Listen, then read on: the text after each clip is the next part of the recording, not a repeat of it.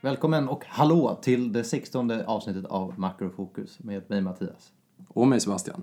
Idag ska vi prata om ECB och Marios eh, jongleringar som han eh, höll på med idag på räntekonferensen. Vi har lite Fed givetvis, ett lite allmänt makrosnack. Avtalet med Turkiet som EU gjorde nu i veckan och sen en läsarfråga och dessutom ett nytt koncept återigen.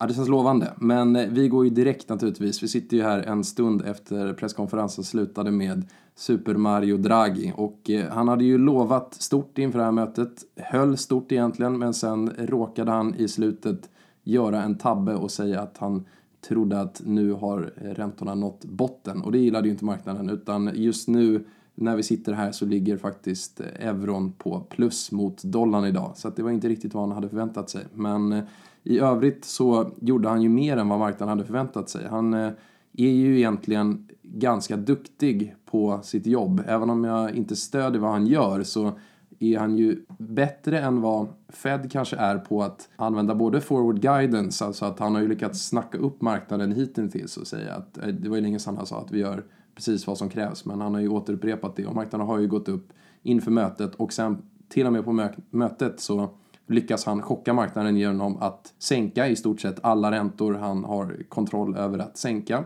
Tre olika sänkningar. Dels på deposit rate då som eh, det som bankerna får på pengar de har, eh, på extra reserver de har hos eh, ECB och även på den låneränta som banken har över natten. Och eh, den eh, refi-räntan, eller refinancing-räntan, hade faktiskt eh, i stort sett ingen analytiker förväntat sig att Draghi skulle sänka, men han sänkte den från 0,05 till 0%. Så att det känns som att han har, han har verkligen dragit på och försökt chocka på vilket sätt han kan här. Och samtidigt så höjer han ju också, som väntat, Q-programmet från 60 miljarder euro per månad till omkring 80 eh, miljarder euro. Och eh, det här börjar bli en, eh, en ganska saftig bit i förhållande till EUs e BNP faktiskt. Och dessutom så inkluderar ju det här nya QE-programmet även Non-Financial Corporate Debt och då är ju frågan vad man ska gå och köpa då. Ja, det är ju nästan det mest intressanta att man nu börjar gå neråt på investeringsskalan. Det har ju gått från att då vara främst statsobligationer samt en, en del asset-backed securities till att nu vara obligationer som ges ut av icke-finansiella institut. Och den här marknaden är inte så stor i, eh, i Europa så att ja, snart så kan ECB sitta på en ganska stor stake utan den där och då finns det inte så mycket andra marknader kvar man kan eh, gå in i om man inte ska köpa aktier eller eh, en, eh, sämre, sämre ratade obligationer. Och man minns ju hur, hur svårt det var för ECB att få tillstånd att köpa en statsobligationer back in the day. Hur Bundesbank var emot det och nu har man till och med gått in på företagssektorn och det, det har verkligen hänt mycket saker de senaste, tiden, senaste åren. Ja, så man börjar ju ana centralbankernas desperation och eh, det syntes ju även i en fråga Draghi fick i slutet där när någon frågade om helikopterpengar ifall det är någonting som ingår i ECBs vapenarsenal och där han svarade lite, lite luddigt men han nekade ju heller inte till det hela. Så att Eh, Eh, ja, ett, eh, ytterligare ett ganska desperat drag från eh, ECB som ju gick bra i alla fall initialt. Marknaderna vände upp, ligger fortfarande på plus men som sagt euron har vänt upp igen mot dollarn efter hans kommentar om botten på räntorna. Men sen ändrade han sig också? Ja, sen har ändrat sig och vill inte uppfattas som att det var botten egentligen. Så att eh, det har varit ett riktigt jojo med marknaderna. Men det är ju alltid svårt att när man har eh, pratat så högt att verkligen chocka marknaden. För när man eh, går så hårt inför det som Maria har gjort så finns det ju egentligen ingen eh, topp för var förväntningarna kan ligga någonstans. Eh, men eh, det här, eh, ja vi får väl se nu när eh, även de vänder upp så kanske det inte sätter sån eh, enorm press på Fed som ju ska leverera ränta nästa vecka. Och jag öppnade ju för det i förra podden att även om, eh, nu vet jag inte exakt, men jag tror att det är bara en så här 6-8% sannolikhet inräknad i, eh, på marknaden för att Fed ska höja räntan nästa vecka. Men jag har faktiskt dragit ett, ett litet bett ändå med, eh, med goda odds för att jag tror att det är, marknaden underskattar risken eller sannolikheten för att eh, Fed faktiskt eh, höjer räntan en gång till. För jag tror att eh, de höjde ju räntan i december just för att de litade målat in sig i ett hörn ur ett trovärdighetsperspektiv och dessutom så hade de ju eller de hade inte, men USA hade levererat eh, ganska starka jobbsiffror i alla fall de senaste månaderna. Och eh, den senaste jobbsiffran för februari var relativt bra för USA, eller den var bra med 242 000 nya jobb. Så att de har fortfarande jobbdatan i ryggen och samtidigt så är det ju också fortfarande en trovärdighetsfråga att höja räntan och sen helt plötsligt behöva ändra sig inför nästa möte redan. Så att jag tror att det finns en, en större sannolikhet än vad marknaden räknar med i alla fall för att eh, Fed drar en liten chocker och höjer räntan nu i alla fall men kanske tvekar på, på senare möten då och blir lite mer isande. Vill du utveckla lite hur ditt bett ser ut rent praktiskt? Ja, det är ett, eh, ett bett med eh, odds på 8,5 gånger pengarna på en, på en liten slant. Så att inga, inga stora summor, men det var värt en, en liten smygchansning. Jag vill ju inte rekommendera någon annan att eh, göra det här egentligen, man kan ju ta en liten stake. Men jag kan ju säga det i alla fall att jag tror inte man ska sitta på, låt säga, amerikanska aktier över det här beskedet om man har en väldigt stor viktning mot det i alla fall. För att det är ju som sagt, de kommer ju inte att skjuta upp i höjden eh, om Fed inte höjer räntan men samtidigt så kan det bli en ganska kraftig reaktion neråt tror jag om Fed faktiskt skulle besluta sig för att eh, höja räntan och då tror jag att sannolikheten är högre än de eh, 6-8% som marknaden räknar med att det är.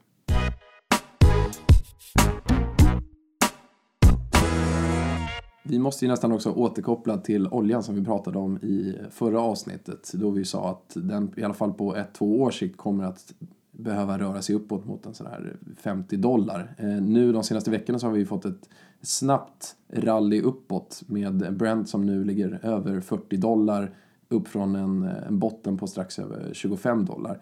Och eh, det här har ju gått lite för fort kan man säga. Som vi nämnde i förra avsnittet så är det ju väldigt många utav eh, shale-aktörerna i USA som har dels eh, borrade brunnar redan som kan sättas i produktion och dels eh, produktion som har eh, pausats. Och eh, om oljan rör sig uppåt mot en så här över 50 dollar igen så kommer de här komma in på banan. Så att man måste få mer av en kapitulation på marknaden och det kan inte gå så här fort upp från 25 till, till närmare 40 dollar. Utan vi har fortfarande enorma lager olja i USA och resten av världen. Och eh, i USA så börjar man ju nå full kapacitet nästan eller i alla fall 80-90 procent.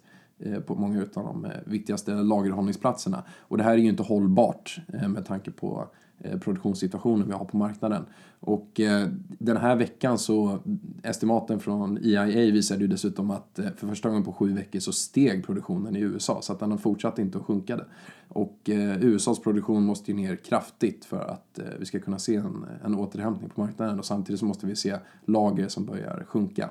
Och som vi pratade om i förra avsnittet så är det ju en, verkligen en nyckelfaktor i det här oljepriset är ju OPEC och eh, idag följer också oljan något efter att OPEC har eh, uttalat sig om hur förhandlingarna med Iran går och eh, det går tydligen rätt dåligt. Tanken är då att man även ska få Iran med på ett slags produktionsstopp då. och eh, ur Irans perspektiv är det ju eh, rätt vansinnigt med tanke på att deras oljeproduktion är väldigt låg historiskt sett och eh, de har inget intresse av att vara här och eh, nämnde också att de, ur deras perspektiv tyckte de att OPECs förhandlingar och förhandlingsförslag var ridiculous. Och, eh, Ja, det kan man ju förstå dem. När eh, Saudi, den stora rivalen, har plockat marknadsandelar och nu eh, får Iran en chans att komma tillbaka på banan något. Så jag tror absolut inte att vi kommer att se i alla fall i närtid något avtal mellan Iran och de övriga länderna. Så länge inte OPEC tar på sig ett par silkesvantar och behandlar Iran lite, lite snällare.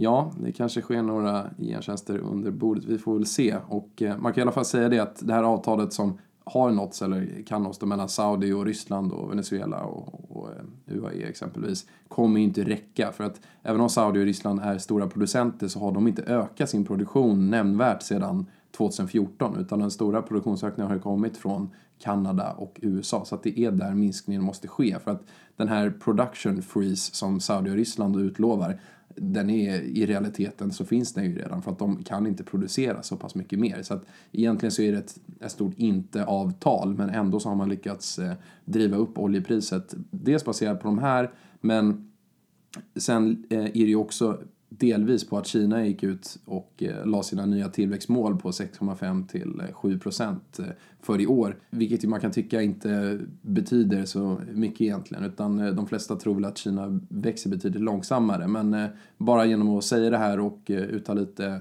mål om fiscal stimulus och annat så fick Kina, eh, både oljan och andra råvaror att skjuta i höjden och över en dag så steg ju järnmalmspriset med nästan 20 procent. Och eh, det är ju alldeles för tidigt för järnmalmen att stiga så pass kraftigt också och även särskilt baserat på sådana här ganska tomma löften från Kina. Eller ja, Kina de sätter en prognos och sen så når de... når de den. Sen når de det med 0,1 procent enheters skillnad eller någonting. Men man förstår ju att Kina kan ha som påverkan för att de är ju under 50% av järnmalmsmarknaden. Men eh, jag tror att det gäller att titta mer på reella data från Kina snarare än att lita på vad kommunistpartiet eh, producerar för mål.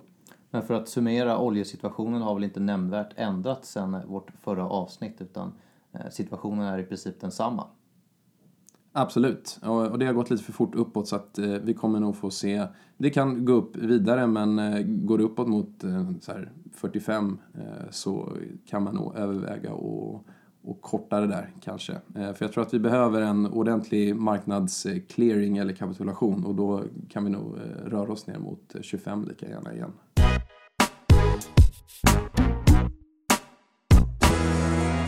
Och när det kommer till, till övrig makro så är trogna lyssnare av programmet eh, välbekanta med vår syn på Grekland och eh, inte så förvånansvärt så förhandlar ju Grekland om eh, en bailout på nytt.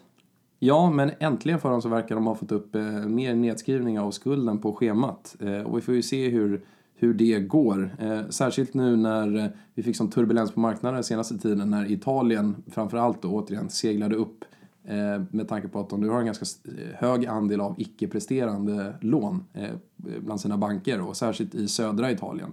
Och man glömmer ju det, men i Italien, de är ju näst värst i Europa vad gäller statsskuld och nu tror jag att de ligger på en, över en 130 procent. Och eh, skulle de få en bankkris och eh, återigen behöva genomföra någon form av bailout så kommer det att närma sig Grekland, definitivt. Så att det, det finns fortfarande en stor risk i det europeiska banksystemet och det såg vi med allt det här med Coco Bonds och liknande. Och en särskild risk kan ju uttryckas för Italien då. Så att eh, vi får ju se hur långt EU vill gå nu när det står eh, fler utanför dörren kanske potentiellt sett och väntar. Om man vill vara så generös nu eller om man vill fortsätta använda dem som ett eh, styvmors exempel.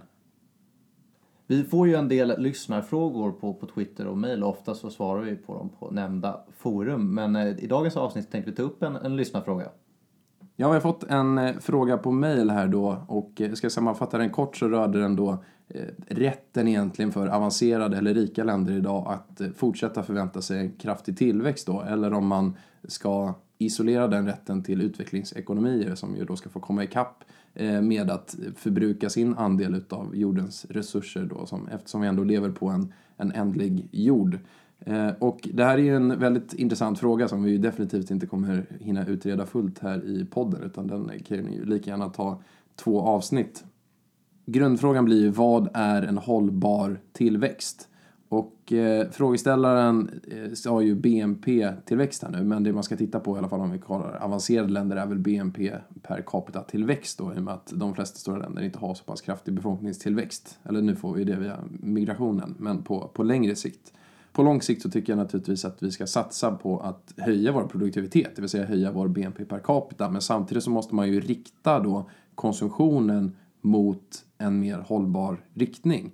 Och eh, ta, Sverige är ju faktiskt ett positivt exempel i den här bemärkelsen. Sen 1990 så har vi sänkt våra koldioxidutsläpp i Sverige med 24 procent.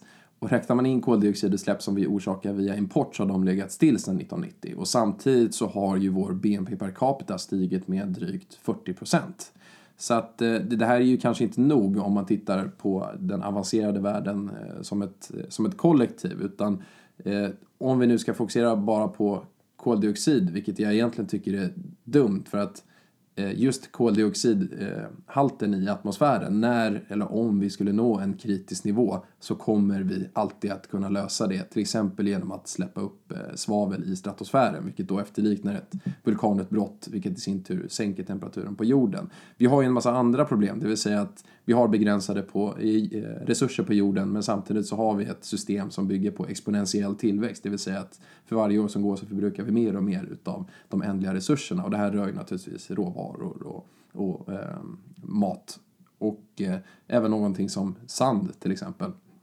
Och eh, naturligtvis även skogsarealer som vi avverkar och antalet eh, utrotningshotade djur stiger ju också de exponentiellt. Och det här funkar ju inte på en planet som har ett ändligt antal arter och eh, eh, ändligt antal, eller ändligt antal skogsareal.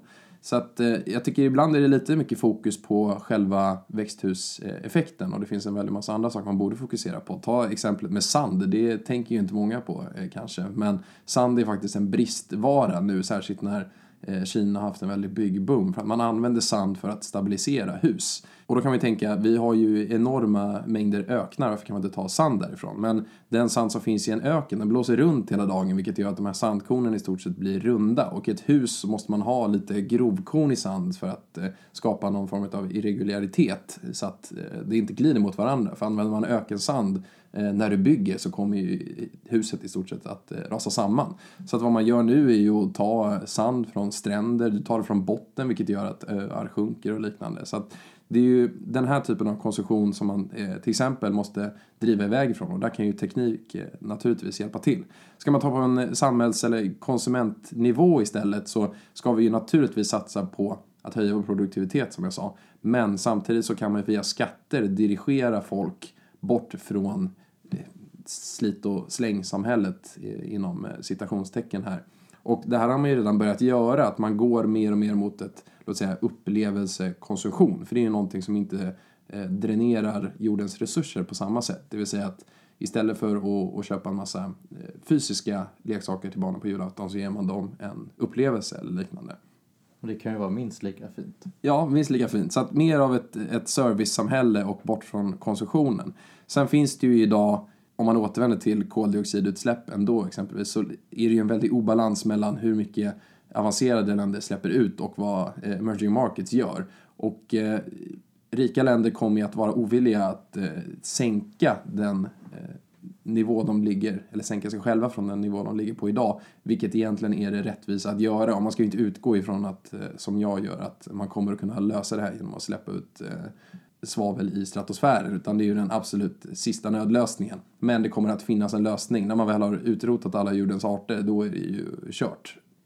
Sen finns det ju också nackdelar med att sikta på att ha en negativ tillväxt eller en eh, konstant eller nolltillväxt. Och det är också att vi har eh, ett eh, lånesamhälle och har man en negativ tillväxt så får ju det naturligtvis eh, negativa effekter på återbetalningsförmåga. Och sen så är det också så att eh, man måste ha en viss tillväxt för att ändå hålla uppe investeringarna. För om tillväxten sjunker då sänker företag och, eh, och andra sina investeringar i ekonomin vilket i sin tur eh, sänker tillväxten ännu mer. Det här var ju inget, eh, inget heltäckande svar, men eh, mina första tankar i alla fall på den här frågan. Och sen kan man ju utveckla det här i, i framtiden naturligtvis. Och eh, det är ju en stor fråga som egentligen är alldeles för stor för oss att eh, besvara.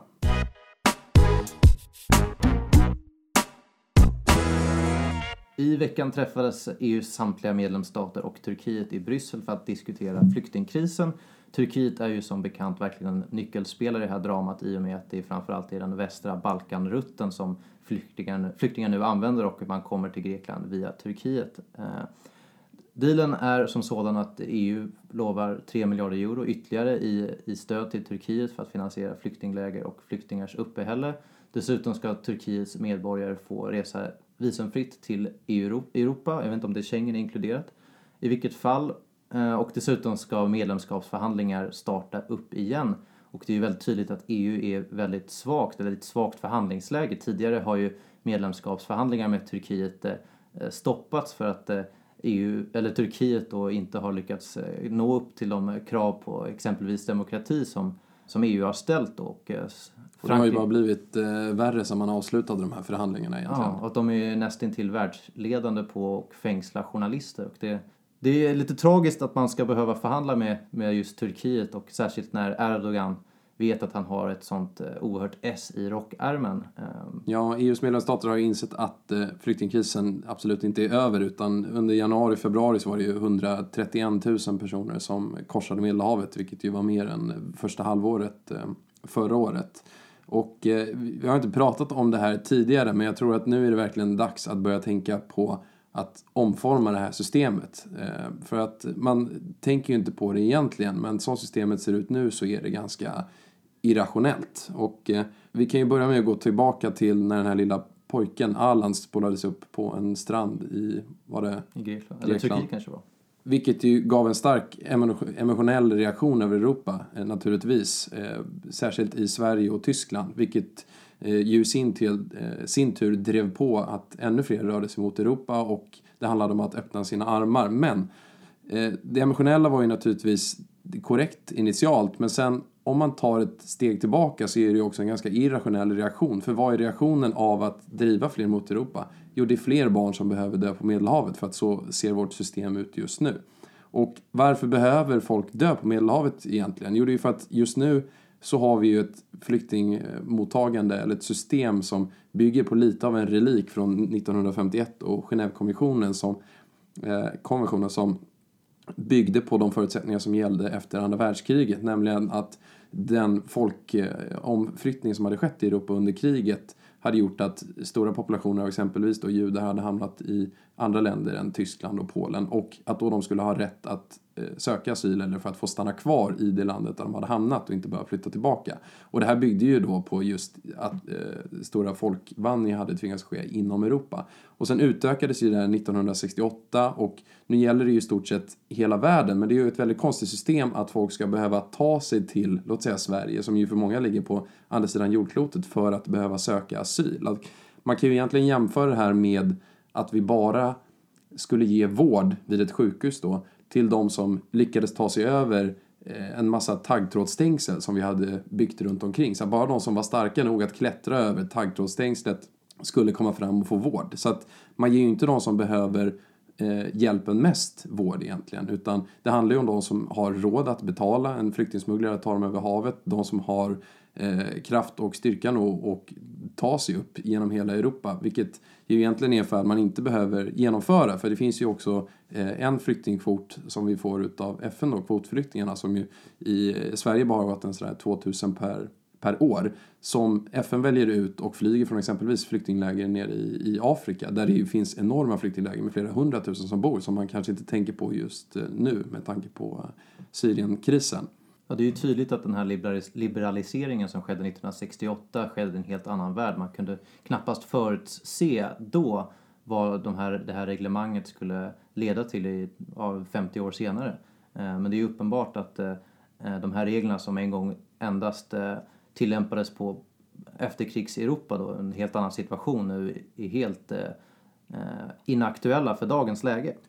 Ja, och i Sverige så är vi ju vi är väldigt bra på att trashtalka exempelvis Ungern och Balkan för att Ungern bygger taggtråds- taggtrådsstängsel och på Balkan släpper man bara in en sådär 580 per dag nu. Och det de gör är ju ganska vidrigt i Ungern. Men samtidigt så bygger hela vår asylmottagning på att Ungern ska bygga ett stängsel. För hela EUs mottagningssystem bygger på att vi upprätthåller en yttre gräns och därmed, det är det här taggtrådsstängslet runt eh, sjukhuset då. Och det som hände förra året som vi har pratat om är ju att EUs yttre gräns föll och då fanns det ett väldigt ackumulerat eh, eller ackumulerad efterfrågan på att ta sig från Europa. För att det har inte rått brist på krig och flyktingar i världen de senaste 30 åren utan det har legat på en ganska konstant nivå och naturligtvis eh, stigit en bit sedan 2010. Och det var ju väldigt tydligt att eh, just Sveriges regler byggde på eh, hur svårt det skulle vara att ta sig till Sverige. Att en väldigt liten andel, systemet klarade av ett begränsat antal men när trycket var som högst i höstas så liknade ju, jag tror det var generaldirektören för Migrationsverket, situationen med att Sverige skulle ha en direkt landgräns med Turkiet och då klarade helt enkelt inte systemet med. Nu har man ju helt fått vända om politiken då just för att den har baserats på att Schengen ska hållas stängd eller de yttre gränserna ska i alla fall vara kontrollerade och det, det systemet fungerar ju inte längre. Ja, och eh, om jag eh, ska gå till då, vad ska man göra för att slippa avtal med Turkiet, förlita sig på att Ungern bygger taggtrådsstängsel och undvika att vi eh, ska tvinga barnfamiljer att resa ut på rangliga båtar över Medelhavet och flera tusen dör per år. Eh, jo, mitt förslag är att vi istället utökar det mandat som FN nu har att skicka kvotflyktingar från utvalda Eh, flyktingläger och istället då bestämmer antingen på EU-nivå, att man, eh, det försöker man ändå göra nu, det har ju misslyckats någorlunda, ehm, eller att Sverige, nu, nu bara slänger jag ur med en siffra som man ska inte fästa någon vikt vid, men Sverige säger vi tar emot 20 000 per år, så får man Eh, så flygs de säkert istället. För att nu kan ju folk inte, de kan ju inte flyga utan de tvingas ju ta sig över Medelhavet för att du får inte visum om du söker från, från Syrien för att komma till Sverige exempelvis. Och samtidigt så har du transportörsansvaret ovanpå det. Men alla dessa människor som tvingas ta sig över Medelhavet skulle ju kunna flyga upp istället säkert och betydligt billigare istället för att de ska betala exempelvis IS för att eh, smuggla dem över Medelhavet vilket i sin tur går till eh, terrororganisationens aktivitet. Och det här kommer naturligtvis kräva en ändring utav, utav hela FN-konventionen. Men det här är ju till exempel något som, eller något liknande som i alla fall Joakim Ruist som är en av de ledande migrationsforskarna i Sverige föreslår också. Att man då ska ge FN ett större mandat och istället kommer man ju då exempelvis, som jag sa, slippa det här avtalet med Turkiet. Du kommer inte behöva förlita dig på en yttre gräns i, i många fall eh, högst tvivelaktigt demokratiska länder som, som Ungern med en människosyn som inte matchar den vi har i Sverige. Och samtidigt så kommer man ju på hemmaplan här i Sverige att kunna ha ett betydligt bättre och eh, mer ordnat mottagande där du kommer att kunna ha en plan för hur många som kommer, hur många kommer behöva arbetsmarknadsintegration, hur många kommer behöva boende och så vidare så att det inte blir väldigt arbiträrt som det ser ut just nu. Argumenten emot att ändra det här är ju naturligtvis att man hindrar folk från att komma. För att det skulle i sådana eh, fall vara så att eh, de som tar sig till Grekland kommer inte att kunna söka asyl där utan du kommer att få asyl i ett flyktingläger eller på någon annan station eh, i närområdet till konflikterna. Men argumentet emot det här är ju att det gör man ju även idag men på ett betydligt mer inhumant sätt. Det vill säga att Ungern ska stå med tårgaskanoner och stoppa dig vid gränsen. Och då tycker jag att det här systemet är, ja, lesser of two evils om man ska uttrycka det så.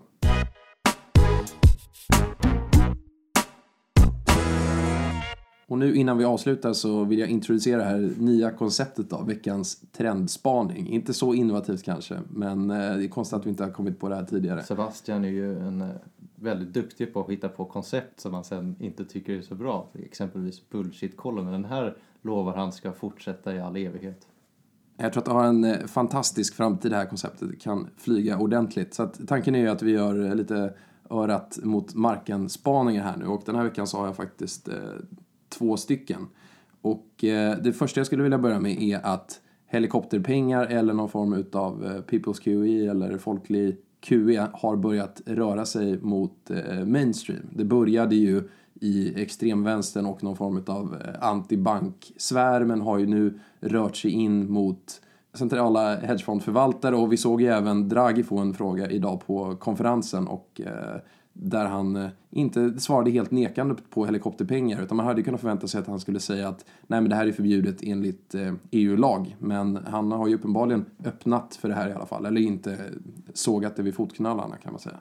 Och spaning nummer två är eh, att vi verkar nu ha fått lite mer eh, mål för det kontantfria samhället. Både Riksbanken och ECB och andra organisationer har man sett gå ut och, och sätta mål kring 2030 och, och lite senare att vi ska ha ett helt kontantfritt samhälle. Och eh, man kan ju fråga om de har börjat med det här nu för att eh, egentligen förstärka styrkan på sitt räntevapen egentligen. För att eh, man kan ju gå hur negativt som helst om det inte finns några kontanter. För att annars får man ju ett arbitrageläge där, där folk, när det väl blir för negativt, så att du måste till slut betala för att ha pengarna på banken så kommer ju folk börja ta ut kontanter istället. Vi får väl hoppas att de inte har eh, så pass eh, onda mål i sikte. Men eh, jag tycker redan man kan känna av det här. Jag lyckades sitta på en, en 500-lapp nu i veckan faktiskt. Vilket jag insåg var lite av en Svarte Petter på stan om man inte går till ICA-butiker och liknande. Jag har försökt bli av med den här nu i, i en vecka men det är aldrig någon som har växel. Så att, Samma story är det med den nya tusenlappen tydligen. Den eh, passar inte i, i olika sedelautomater de har i kassorna på ICA och sådär. Har jag läst i tidningen. Ja, det är för kriminella helt enkelt. Så att om, eh, om det är någon som vet var jag kan bli av med den här 500-lappen så kan ni väl eh, ringa vår eh, hotline, eh, krislinjen på Makrofokus. Och eh, med det sagt så är vi väl klara för idag. Vilken fin trendspaning du hade. Tack Mattias. Jag sa ju att eh, konceptet hade vingar och eh, vill någon låna det här konceptet mot en enkel handpenning, inga 500-lappar, så är det bara att eh, höra av sig till vår hotline återigen. Vi väntar ständigt vid luren. Vi ses om två veckor. Ha det gott!